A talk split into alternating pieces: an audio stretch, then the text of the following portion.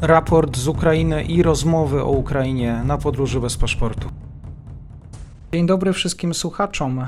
Jak wiecie, patrzymy na Ukrainę, ale z perspektywy różnych regionów świata. Dzisiaj moim gościem jest Jakub Bielamowicz, ekspert tego podcastu właśnie do spraw bałkańskich. Dzień dobry. Cześć, dzień dobry Mateuszu, dzień dobry wszystkim. Sytuacja na Ukrainie ma wpływ na to, co się dzieje w innych regionach świata. Oczywiście nie inaczej jest w krajach bałkańskich. Jakubie, co wiemy na temat tych pierwszych reakcji w regionie i w szczególności ciekawi nas stanowisko Serbii. Faktycznie, wojna na Ukrainie jest y, wydarzeniem uważnie, bardzo uważnie śledzonym na Bałkanach i wydarzeniem już teraz mającym wpływ na, na ten region. Oczywiście tych doniesień jest całe mnóstwo, ale myślę, że żeby choć trochę uporządkować tę nieustannie rozwijającą się sytuację, proponuję przejść pokrótce przez najciekawsze reakcje niektórych wybranych państw Bałkanów Zachodnich i na koniec myślę, że zajmiemy się właśnie tym najistotniejszym przypadkiem, czyli Serbią. Zacznijmy może od Chorwacji, gdzie wydaje mi się, że mieliśmy całkiem ciekawy zwrot akcji, gdyż chorwacki prezydent Zoran Milanovic, który w tygodniach poprzedzających wojnę zasłynął obraźliwymi wypowiedziami o Ukrainie,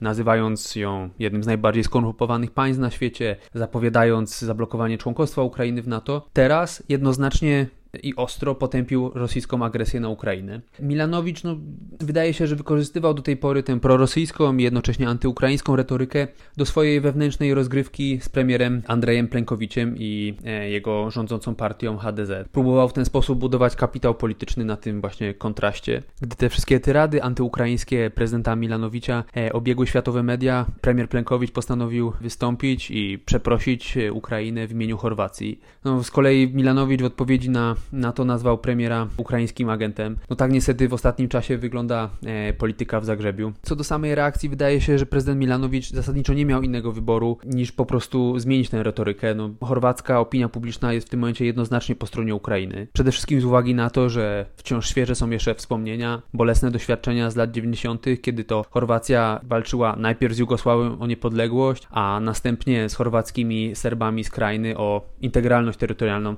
swego nowo powstałego całego wówczas kraju. Weźmy jako kolejną na warsztat może Bośnię i Hercegowinę. W Bośni, jak wiemy już z naszych yy, dotychczasowych podcastów, nic nie jest proste ani przejrzyste. Dotyczy to także struktury i polityki zagranicznej tego państwa. Tutaj mamy trzyosobowe prezydium Bośni i Hercegowiny, które pełni funkcję kolegialnej głowy państwa. W nim zasiada odpowiednio przedstawiciel Bośniaków, Chorwatów i Serbów. I w przypadku braku porozumienia co do wspólnego stanowiska, co regularnie ma miejsce, członkowie tego prezydium wypowiadają się albo w swoim imieniu, imieniu albo w imieniu trzech głównych grup etnicznych w tym kraju. Bośniacy, czyli społeczność bośniackich muzułmanów, szybko potępiła uznanie niepodległości e, Republik Ludowych e, przez Rosję i następnie atak Rosji na Ukrainę. Powód jest tutaj dość prosty. No, Rosja i ambasada rosyjska w Sarajewie regularnie wspiera bośniackich Serbów. No a bośniacy Serbowie, którzy akurat e, w prezydium Bośni i Hercegowiny są reprezentowani przez Milorada Dodika, ogólnie bardzo wygadanego w mediach, no w ostatnich tygodniach, w ostatnich dniach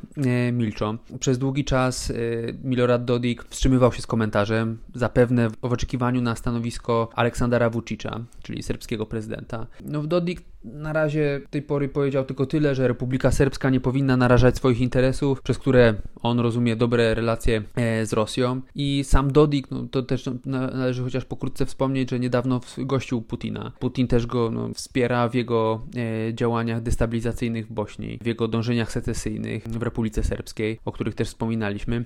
A jeśli chodzi o tę trzecią główną grupę etniczną w Bośni i Hercegowinie, czyli e, bośniackich Chorwatów, no tutaj reakcja przyszła z pewnym opóźnieniem, no ale przyszła. I najpierw zapewne bośniacy Chorwaci czekali na e, ruch Dodika, z którym e, paktują, ale w końcu zdecydowali się potępić agresję, agresję Rosji. Przejdźmy może teraz szybko do Macedonii Północnej, która wedle wszelkich rankingów jest jednym z najbiedniejszych krajów w Europie, ale zgłosiła gotowość do przyjęcia ukraińskich uchodźców. Ponadto prezydent Macedonii Stewo Pendarowski mocno potępił, w mocnych słowach potępił e, działania Rosji i wyraził też obawy o dość wysokie wpływy mediów prorosyjskich lub finansowanych przez Rosję, wpływów na nastroje społeczne w tym kraju. Co ciekawe, w trudnym położeniu znajdzie się nacjonalistyczna opozycja w Macedonii, która na każdym kroku przebiera nogami, by przejąć władzę w kraju. Dotychczas była dość wyraźnie antyzachodnia i proputinowska. Teraz wydaje się, że może mieć dość poważny problem z wypracowaniem spójnej pozycji w obliczu tak tak przerażającego kryzysu. Przejdźmy zatem do Serbii, która bez wątpienia wydaje się być tym najbardziej kontrowersyjnym wątkiem na Bałkanach. Pomimo wyraźnych na nacisków ze strony Unii Europejskiej, prezydent Vucic przez wiele dni zwlekał z ogłoszeniem stanowiska wobec rosyjskiej agresji na Ukrainę. Dopiero po piątkowym posiedzeniu Serbskiej Rady Narodowej Bezpieczeństwa Vucic wyraził jedynie poparcie dla jedności terytorialnej, nie precyzując tak naprawdę czyjej integralności i ogłosił, że Serbia nie będzie uczestniczyła w sankcjach wobec Rosji, mówiąc, że byłoby to niezgodne z interesami samej Serbii. Zastanówmy się zatem, z czego ta postawa Vucicia wynika. No, gdyż związki Serbii z Rosją to nie tylko względy historyczne, kościół prawosławny, ale także bardzo istotne interesy gospodarcze. Nie dalej niż w listopadzie Putin zagwarantował Vuciciowi jedne z najniższych cen gazu w regionie na okres 6 miesięcy, czyli w sam raz na trudny czas kampanii wyborczej w Serbii. Co więcej, główny koalicjant Vucicia, czyli Socjalistyczna Partia Serbii, zażądała, by Serbia nie opowiadała się przeciwko Rosji, gdyż Serbia nie powinna w ten sposób narażać swoich interesów. Idąc dalej, należy wspomnieć o serbskim społeczeństwie, które, w którym jest wciąż y, żywy antyzachodni, antynatowski resentyment, związany z bądź co bądź niedawnymi wydarzeniami, czyli natowskimi nalotami na Jugosławię w trakcie wojny o Kosowo w 1999, czyli ledwie 23 lata temu. No i sama kwestia jednostronnego uznania e, niepodległości Kosowa przez e, społeczność międzynarodową e, jest wciąż w Serbii wyraźnie pamiętana. Dla kontrastu Rosja konsekwentnie nie uznaje niepodległości Kosowa, uważając ten kraj wciąż za część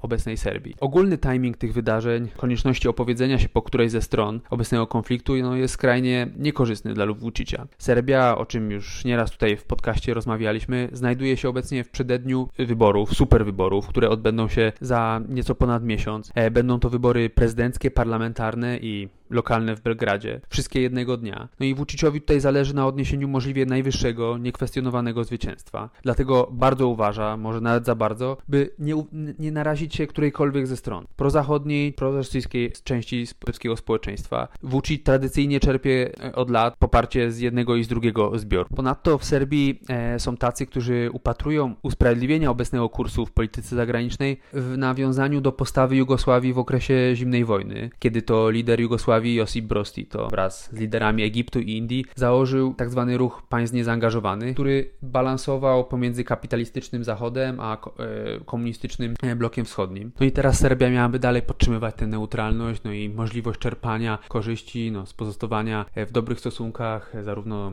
z Rosją, jak i z Zachodem. No ale właśnie na Zachodzie pojawiły się już ze strony Unii Europejskiej, w tym przede wszystkim ze strony Parlamentu Europejskiego głosy, no by przemyśleć, co najmniej przemyśleć politykę negocjacji rozszerzenia wobec Serbii, która nie odpowiedziała na apel Unii i odmówiła przystąpienia do unijnej polityki sankcyjnej. Przypomnę tylko, że od 10 lat, równo 10 lat, Serbia pozostaje e, państwem ubiegającym się o członkostwo w Unii. Nawet jeżeli te e, ostatnie lata przypominają bardziej ruchy pozorowane na drodze do członkostwa, no to wciąż Aleksander Vucic stoi na stanowisku, że Serbia chce zostać w przyszłości członkiem Unii Europejskiej. No i sytuacja Vucicia jest jeszcze chociażby z jednego powodu trudna, dlatego że w serbskich mediach głównie kontrolowanych przez rząd, w dużym stopniu prorosyjskich, mamy do czynienia z ogromną skalą dezinformacji, dlatego e, że już w pierwszych dniach konfliktu okładki głównych tabloidów krzyczały do swoich czytelników, że to, uwaga, e, Ukraina zaatakowała Rosję. No i faktycznie no, przy takich nastrojach społecznych, przy takim dominującym przekazie w mediach, no, próbuje pozostać w tym dość niewygodnym rozkroku.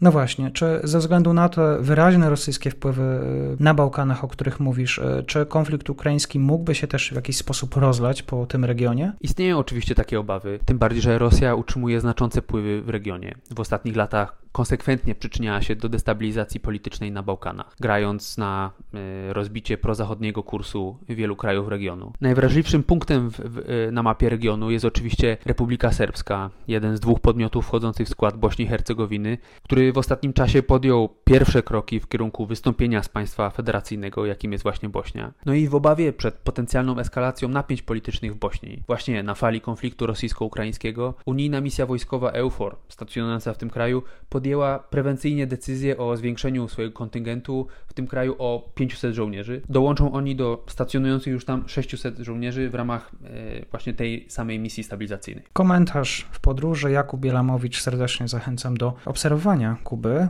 na Twitterze. Pozdrawiam. Bardzo dziękuję za rozmowę i mam nadzieję, że do usłyszenia już w nieco spokojniejszych czasach.